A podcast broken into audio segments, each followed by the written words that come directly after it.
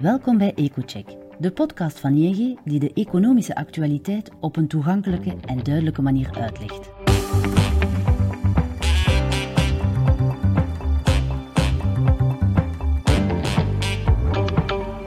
Om de twee weken buigen onze economen zich over de meest besproken gebeurtenis en analyseren zij de economische en financiële gevolgen voor u of uw onderneming. Vandaag is uw gastheer Wouter Thierry, econoom bij ING.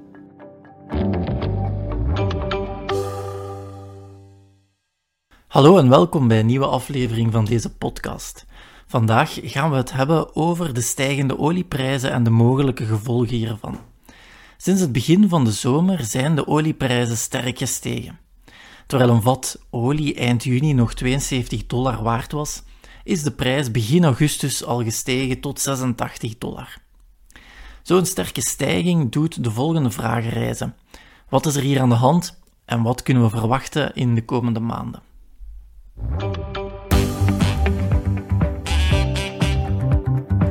We luisteren naar de analyse van Wouter. Laten we de situatie eens van dichterbij bekijken. Om het volledig te begrijpen, moeten we beseffen dat de oliemarkt een heel complexe markt is. Een groep landen die bekend staat als OPEC, beheerst de helft van de wereldwijde olieproductie en oefent invloed uit op de prijzen door productiebeperkingen op te leggen.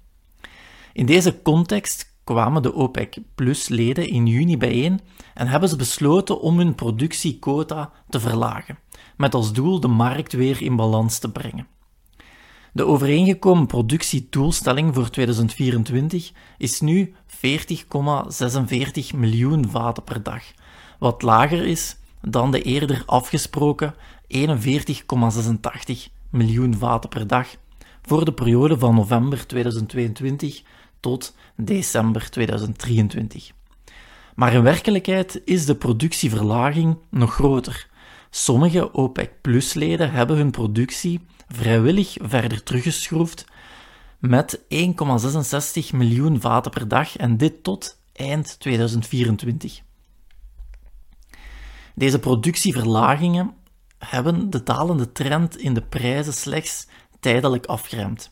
Daarom hadden Saoedi-Arabië en Rusland aangegeven verdere beperkingen te willen invoeren, wat de markt heeft doen twijfelen. De vraag rees of het aanbod nog wel groot genoeg zou zijn om aan de vraag te voldoen. Deze twijfels hebben de prijzen omhoog gestuurd van 72 dollar eind juni naar 66, 86 dollar per vat midden augustus. De vraag is nu of het aanbod echt te laag is om aan de vraag te voldoen.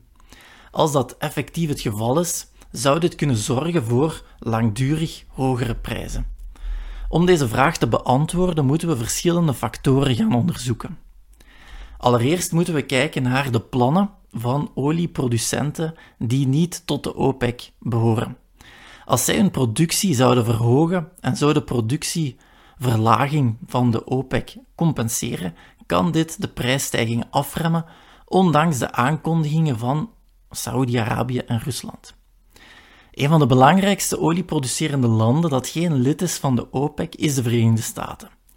Hoewel het aantal boorplatforms in de VS sinds het begin van het jaar met iets meer dan 15% is gedaald, zal de VS dit jaar en in 2024 nog steeds recordhoeveelheden olie produceren. Ten tweede is de wereldwijde vraag naar olie van groot belang. Als de wereldwijde vraag naar olie erg zwak is, zal dit een neerwaartse druk op de prijzen uitoefenen, ook al beperkt de OPEC de productie sterk. Hoewel de wereld op weg is naar een koolstofarme toekomst, consumeren we nog steeds zeer veel olie en blijft de vraag naar olie sterk verbonden met de economische activiteit. Naar verwachting zal de wereldwijde vraag dit jaar met ongeveer 1,9 miljoen vaten per dag stijgen tot een record van 101,8 miljoen vaten per dag. Voornamelijk aangedreven vanuit China. Meer dan 60% van deze verwachte groei is toe te schrijven aan China. Hoewel de Chinese economie minder sterk groeit dan verwacht, blijft de vraag naar olie vanuit China groot. Het valt natuurlijk nog te bezien of dit zo zal blijven. Als de groei verder vertraagt, kan dit ook de vraag naar olie natuurlijk wat gaan afremmen. Veel zal gaan afhangen van de stimuleringsmaatregelen die de Chinese regering al dan niet zal nemen om de groei opnieuw aan te zwengelen. Ook de Amerikaanse economie blijft een onzekere factor voor de oliemarkt. Door de vele renteverhogingen van de Fed hielden de meeste analisten rekening met een sterke vertraging van de Amerikaanse economie tegen het einde van 2023, wat ook de vraag naar olie zou hebben gedrukt. De laatste indicatoren die tonen echter aan dat de Amerikaanse economie goed stand houdt. Oké, de arbeidsmarkt is wat afgekoeld, maar we zijn nog ver verwijderd van de recessie die begin dit jaar werd voorspeld. Als de VS in de tweede helft van dit jaar beter blijft standhouden, zal dit de vraag naar olie verder doen stijgen, waardoor ook de olieprijzen wat hoger kunnen gaan. Alles samengenomen lijken de productieverminderingen van de OPEC en een veerkrachtigere Amerikaanse economie er wel voor te gaan zorgen dat de oliemarkt tot eind 2023 krap zal blijven, ondanks het kwakkelende herstel in China. Dit betekent dat we tegen het einde van het jaar nog steeds een lichte stijging van de olieprijzen kunnen verwachten tot ongeveer 95 dollar per vat. Hoewel dit hoger is dan de prijsniveaus van de afgelopen maanden, is het nog steeds een stuk lager dan het niveau van 110 dollar per vat dat we afgelopen zomer bereikten tijdens het hoogtepunt van de energiecrisis. Betekenen de hogere verwachte olieprijzen ook dat we hogere gasprijzen moeten verwachten? Niet echt. De gasmarkt opereert als een meer traditionele markt die niet wordt gedomineerd door een kartel. Op dit moment zijn de gasvoorraden in Europa al voor 91% gevuld, ruim boven het historische gemiddelde, en dit duidt erop dat de resterende vraag naar gas relatief laag is. In tegenstelling tot afgelopen zomer is Europa niet wanhopig op zoek naar gas, waardoor de prijzen vrij laag blijven, rond de 30 à 35 euro per megawattuur.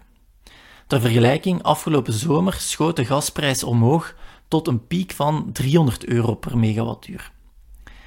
Daarbovenop importeert China op dit moment veel minder LNG, wat de prijzen van LNG laag houdt.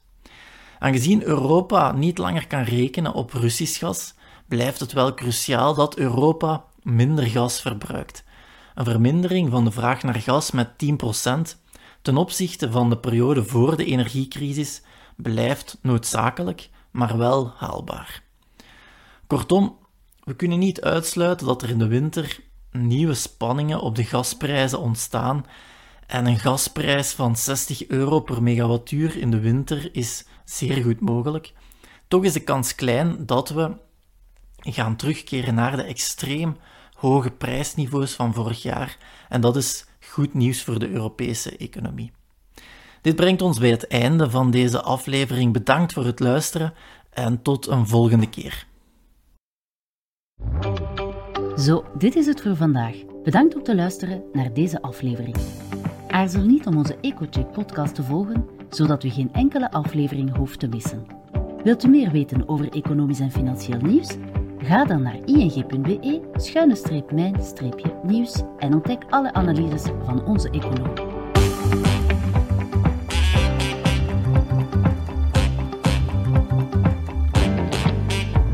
Graag tot de volgende aflevering.